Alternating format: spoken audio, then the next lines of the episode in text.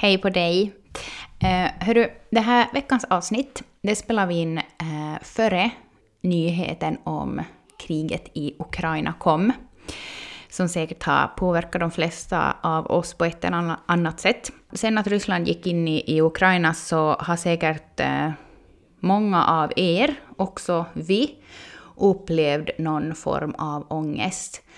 Eh, liksom att vad är det som händer i världen just nu? Hur kan det vara så här?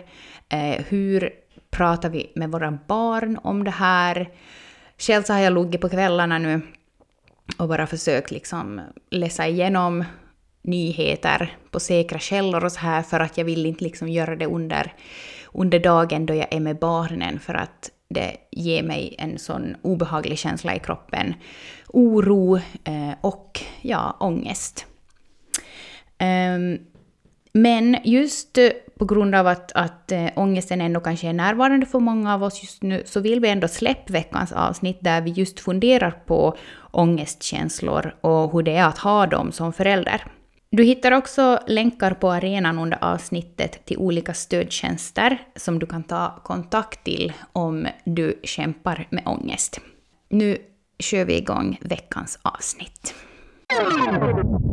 Vi har kanske börjat prata mera om det på en lite ytligare nivå, men att verkligen prata på en ännu djupare nivå om hur det är att ha ångest och försöka vara en närvarande förälder när man själv är inne i någon form av ångestmoln, eh, så känns jätteskamfyllt eh, och eh, svårt och kräver sårbarhet och är inte sådär jättelätt.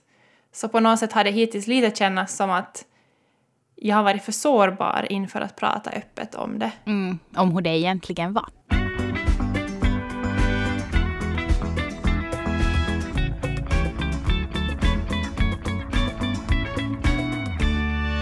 Jag har ju haft då förlossningsdepression och det hade jag 2016. Någonting som jag kämpade ganska mycket med, det var ju att dölja att jag hade en förlossningsdepression. Mm. Vilket ju är helt, helt sjukt att man gör. Eh, och eh, även fast det pratas mer om ångest och depressioner och eh, allt sånt där idag. Så precis som du säger så, så det krävs på något sätt så mycket av en för att prata om det. Trots att man har psykisk ohälsa så ska man ändå kunna vara den där närvarande föräldern där hem. Mm. Hur kände du när du var hem och när var det ens som du hade de här jobbigaste perioderna under ditt föräldraskap med ångest? Alltså, det, jag mådde riktigt bra när vi fick första barnet. Jag var jättetrött men jag mådde som ändå... Det, det var som, det gick bra och... Eh, fast det var tungt. Men sen när vi fick andra barnet så var hon då en till som inte sov och jag tror att, att den här alltså ångesten började krypa på, krypa på mig ordentligt och på något sätt ett sånt här, eh, vad man nu ska säga, det är lättare att se på det efteråt och se det liksom mer tydligt. Mm. Men där och då var det mer som att jag på något sätt trodde att det hör till, att det är så här tungt. Man har, man har oro, man har ångest, man är trött och sådär. Men det var kanske från att andra barnet var fyra månader tills att hon var tio månader ungefär, mm. var liksom de där tuffaste månaderna. Och det som känns jättejobbigt att säga nu också är som att, att jag har inte i princip så mycket minnen från den här tiden. Mm. Och jag får jättemycket skuldkänslor bara av att säga det högt för att jag hade som längta, fy det här är jobbigt, men jag hade som längta hela mitt liv att bli mamma. Den här skulden liksom kommer in i det att nu hade jag äntligen fått bli mamma och jag hade som fått ett till barn och min största dröm eftersom att jag vuxit upp utan syskon har ju varit att kunna ge mina barn syskon. Och nu hade jag plötsligt två friska barn och plötsligt så var det som alldeles för mycket. Men som du också sa, att du på något sätt för, du gömde det, eller du som försökte hålla det så att det inte skulle synas. Mm. Så det var också en jättes på något sätt stark del i mig att jag inte ville visa hur jag mådde. Jag kanske inte kunde, man kanske inte kan alltid heller visa Nej. åt alla hur man mår. För att jag var också jätterädd på något sätt att bli ifrågasatt att...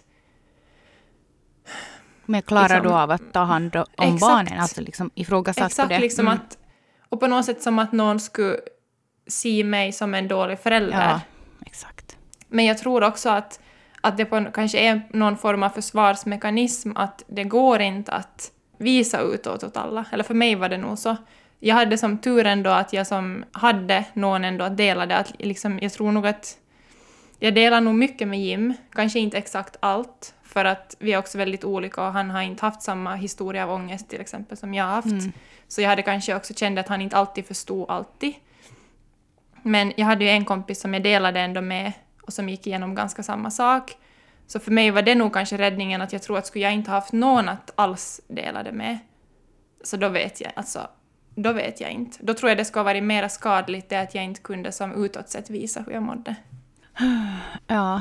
Uh, nu när du sitter och säger det här så, så, så försöker jag som tänka tillbaks och, och så funderar jag liksom att dela jag mina känslor med någon mm. under min förlossningsdepression. Och uh, alltså jag tror inte att jag gjorde. Jag har som inte mycket minnen heller från eh, Grys första halvår i livet. Det enda jag typ minns är de där jävla nätterna då jag bara satt i soffan och typ gungade fram och tillbaks och bara grät. Mm. Eh, och bara så, vet du, kände mig helt dränerad på energi för att jag under dagen eh, ens var tvungen att stiga upp.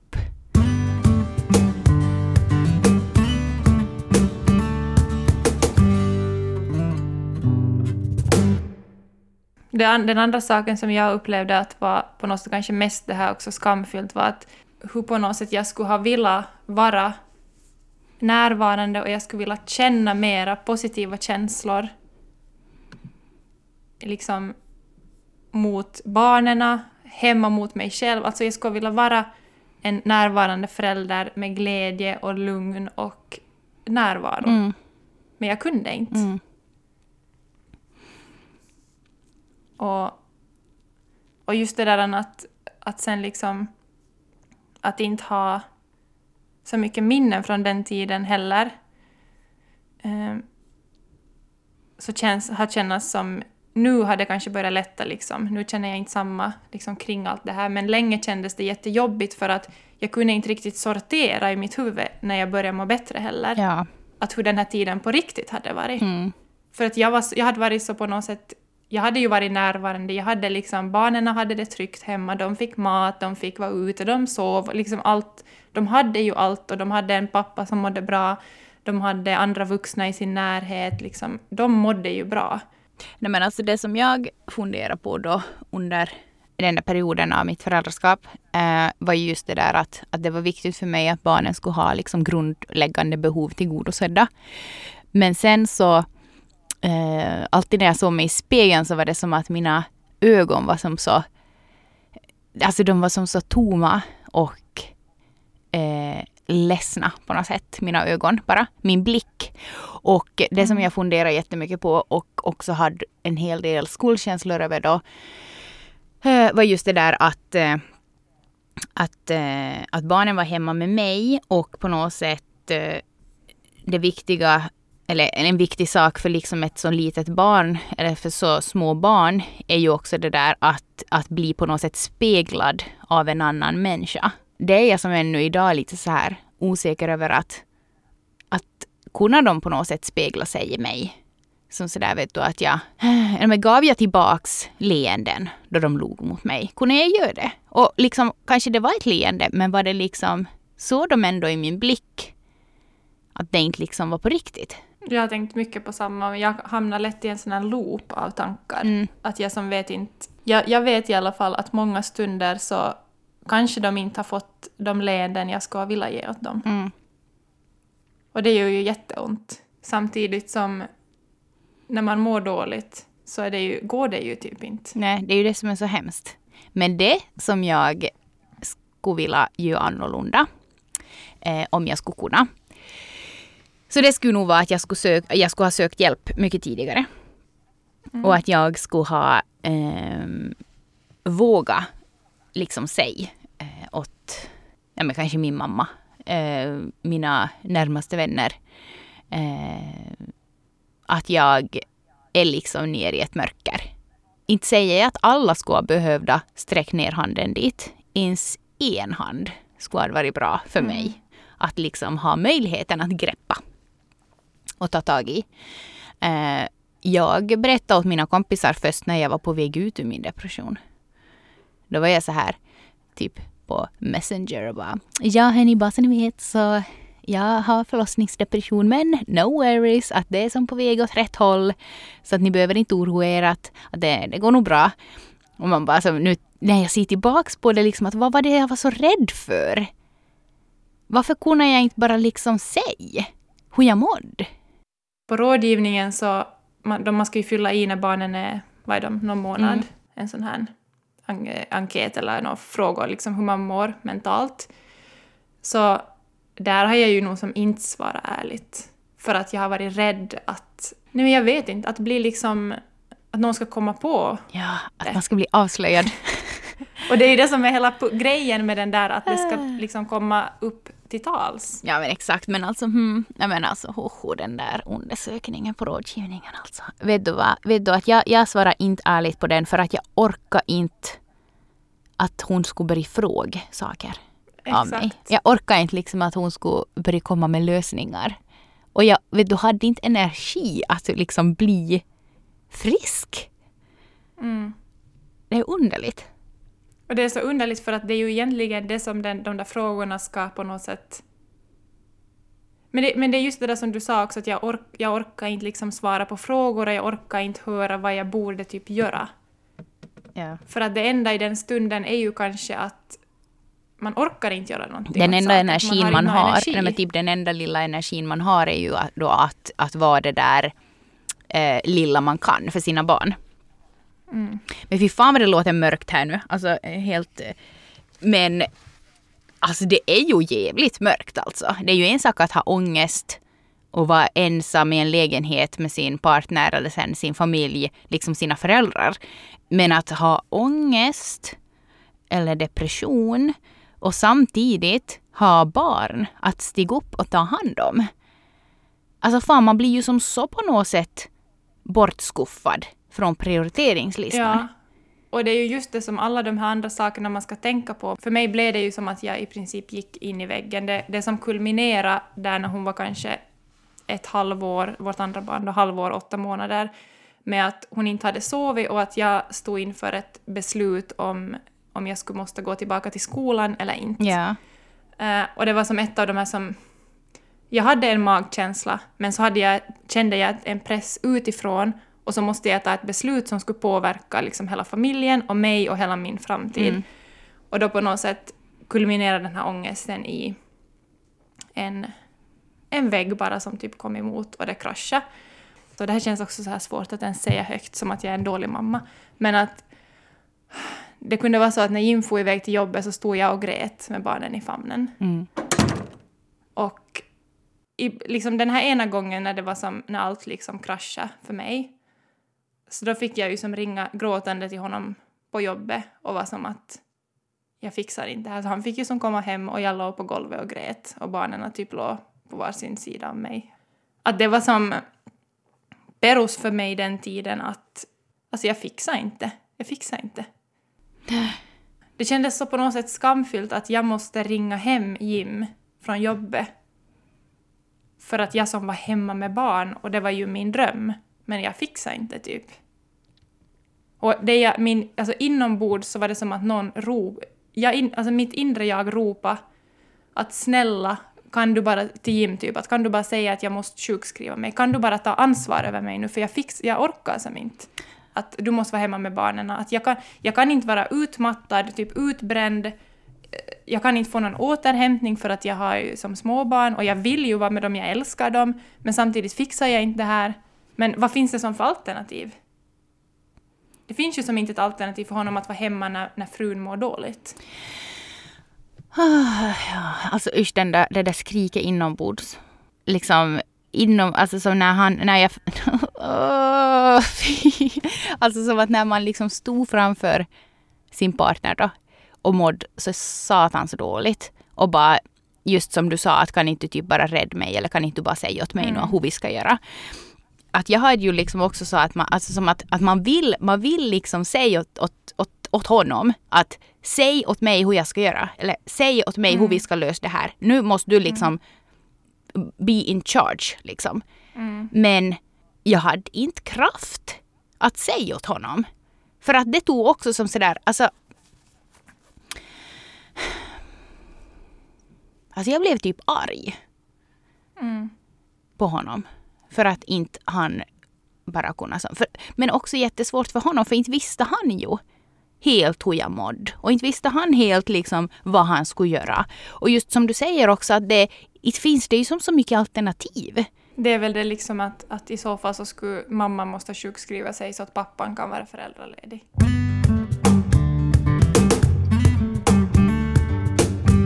Det är inte konstigt att inte mammor svarar ärligt på de här rådgivningsblanketterna. För att man orkar inte typ ta itu med sitt eget mående då man har småbarn att ta hand om. För att all sin energi går åt att ta hand om barnen. Och den här skammen som jag tycker att som finns kopplat till så mycket av det här vi pratar om nu, men att den där skammen liksom kring allt var kvar jättelänge efteråt. Att jag hade jättesvårt att ens titta tillbaka på den tiden och se liksom på den tiden ens och prata Mm. om den utan att känna en enorm typ skamklump.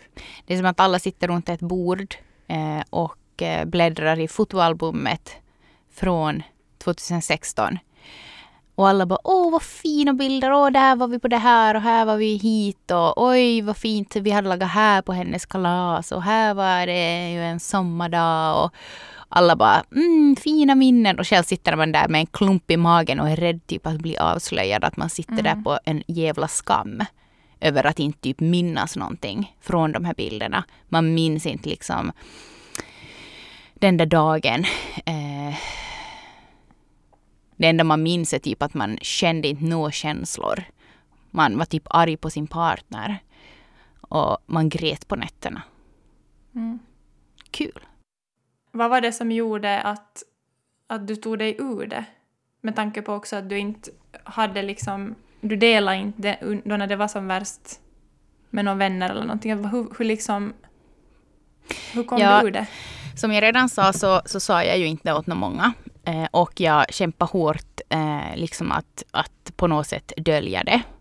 Eh, men min vändning, eh, den kom ju nog då när jag var på rådgivningen och eh, inte liksom orka hålla upp typ fasaden och mer. Mm. Och jag liksom bara... Nej, men hon, var, hon var som sådär typ att, nej men hur är det nu då idag? Och jag bara vet du var som såhär typ... Jag kunde som inte säga någonting utan jag bara vet du började gråta. Mm. Och bara vet du, satt och grät och bara vet du, så, allting.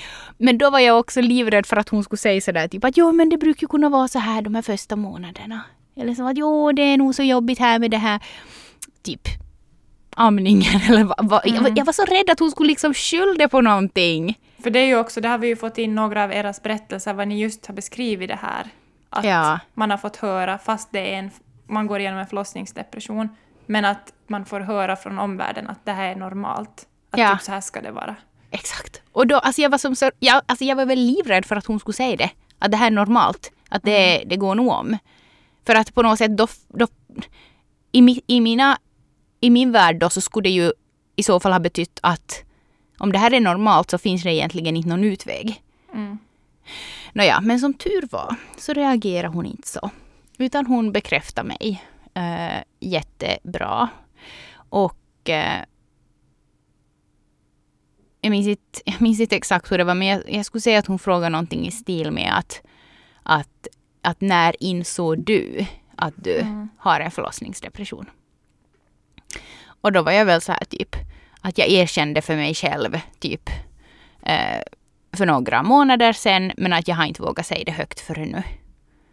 För jag har varit så rädd att måste börja försvara mig själv eller måste liksom ha någonting till skyld på. Eller att någon ska avslöja mig att jag typ inte känner känslor för mina barn. Och hon vet bara bekräftade mig och bara liksom höll om och var som helt att, att eh, du kommer att komma ur det här. Men att det kommer att ta tid. Och det var väl på något sätt då som min, som jag just sa i- början också, liksom att jag önskar att jag skulle ha som sökt hjälp tidigare. Liksom att, att, att, hon, att hon erkände mitt tillstånd. Mm. Att en utomstående liksom på något sätt erkände mitt tillstånd och sa åt mig att det kommer att bli bra. Att jag inte bara satt på nätterna själv och var som så här att det kommer att bli bra, jag behöver inte säga det åt någon. Ge det några veckor, ge det några månader. Så det var väl då som, som min vändning kom. Men det är ju det som är så svårt också som du beskriver här, att, att, att det ska vara den där rätta människan, till exempel på rådgivningen. Jag tror att jättemånga fångas upp där, jag hoppas Ja. det. För att i något skede så, så brister det kanske bara, just för att någon bara frågar att hur mår du och så bara kommer allt. Men att det måste ju vara rätt människa där just som tar emot det. För att annars är det som att just sådär när man säger åt människor att man ska söka hjälp i tid, men så själv är jag sådär som att var ska jag söka hjälp? Alltså vad? Vad ska jag som, till exempel att gå, typ att gå och prata med någon, så om jag är hemma med två små barn, det är ju nästan omöjligt för mig att ens få det fixat. Att det, det är så mycket lättare när man har till exempel då större barn som är på dagis, eller när man inte har barn ännu, att på något sätt få möjlighet ens till återhämtning, att kunna göra någonting som gör att man börjar må bättre. Men det är ju som inte... Det är det kanske som är så otroligt på något sätt annorlunda också när man har små barn, för att det, det är inte bara att söka hjälp. Nej, men det känns som så, det där, ste, det där steget är som på något sätt så mycket högre.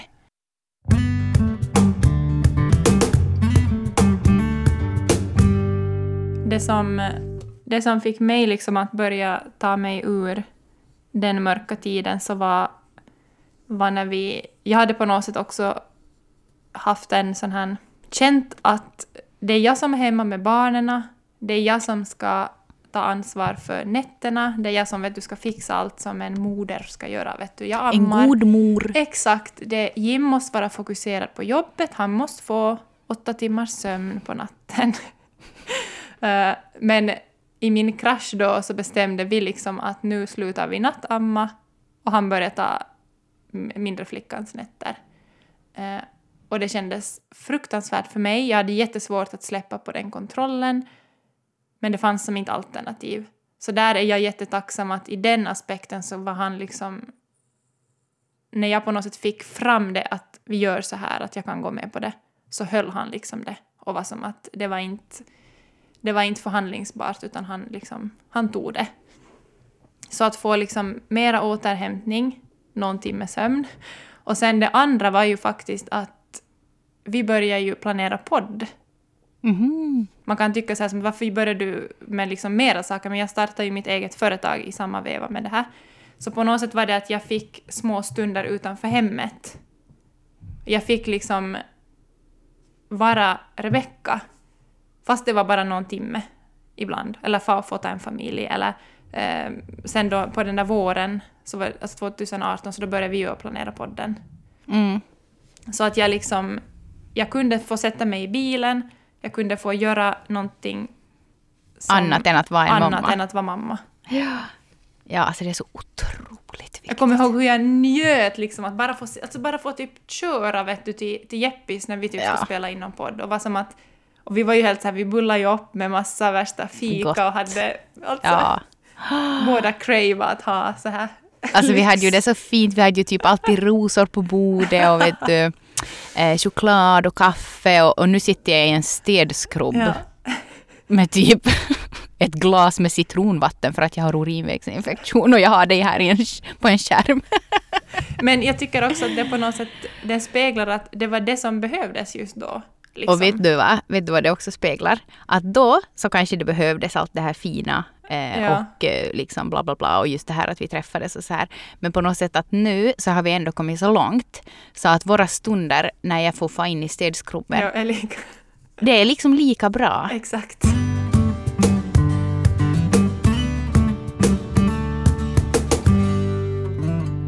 En annan sak som också som hjälpte mig nu senare, alltså jag tror att det är en, att går man igenom det här just nu och när jag gick igenom min mörka tid som, min mörka tid som förälder så var liksom mycket att jag på något sätt kände att jag måste, vet du, jag måste få bort den här skammen, jag måste vara okej med den tiden. Jag kände på något sätt att jag måste bearbeta det här nu.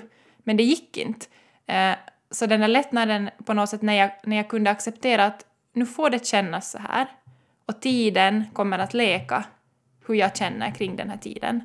Ehm, och att jag på något sätt lite släppte den där tiden och den fick vara och så gick jag vidare.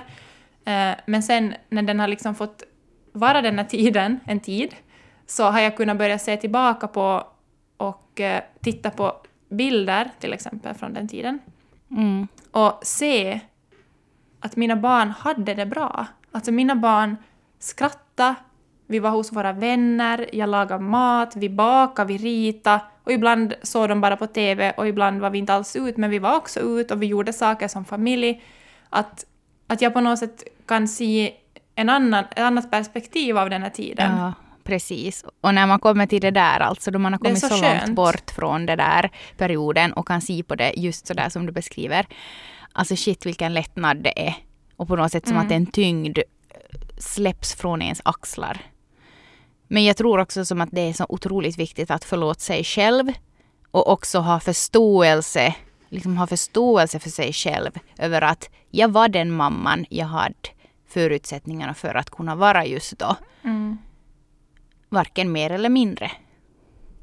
Och eh, om du går igenom någonting liknande just nu. Så då vill jag nog bara, eller vi vill nog bara säga, liksom att försöka att ändå se det för den korta tiden som det är. Eh, och håll fast vid det som du tycker att är viktigast. Välj bort allt annat. Alltså allt annat som inte är viktigt för dig, så ska du bara välja bort. Och precis som du sa också Rebecka, just att på något sätt låta sig själv känna det man känner. Mm. Att inte bara skuffa bort det, utan känn det du känner. Och kom ihåg att du inte är ensam. Och att den här känslan av att må dåligt, den är inte farlig. Men att den bara måste få finnas nu. Och sök hjälp. Ja, just det som, som du också sa, att, eller som vi båda tror jag kan, eller jag kan tänka efteråt också, just att jag önskar att jag skulle ha kanske bett om hjälp mera. Mm. Och behöver inte öppna upp sig för hela världen. Alltså nej. Man kan, alltså jag önskar att jag på något sätt ska öppna upp mig för, för att be om hjälp till exempel av våra föräldrar mera. Ja, precis. Eller av en vän. Som man vet att... Alltså som, att på något sätt li, att, att fast det känns som att nu, nu går min, mitt skal eller min fasad liksom rämnar. Lite, ja. Men att, att, för jag tror att det är det, de flesta som tar sig igenom en sån här en sak, sån här, eh, att må dåligt, så det, det man ofta lämnar med är ju att jag önskar att vi, jag skulle ha tagit emot hjälp tidigare. Men samtidigt inte heller känna skam och känna sig dålig för att man inte kan Nej. berätta åt alla. Nej, nej, nej, nej, nej, gör inte.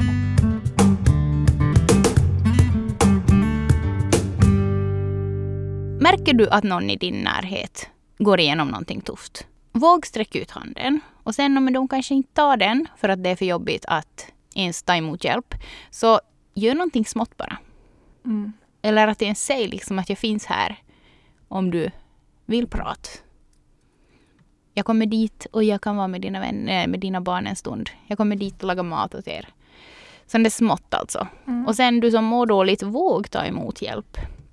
I beskrivningen till det här avsnittet så kommer vi att lägga in lite länkar eh, på ställen dit du kan eh, ta kontakt om det är så att du, att du lider av mycket ångest nu eller att du eh, mår dåligt eller har depression av något slag. Och vet ni vad?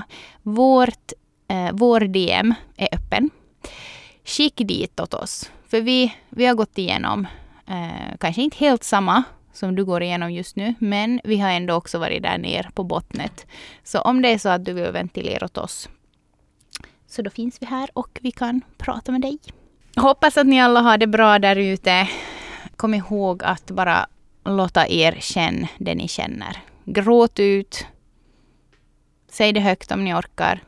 Men låta de där känslorna finnas. För då är det så mycket enklare att komma ur det. Hoppas ni har en fin fortsättning på veckan. Vi hörs som vanligt igen nästa måndag. Hej då! Hej då!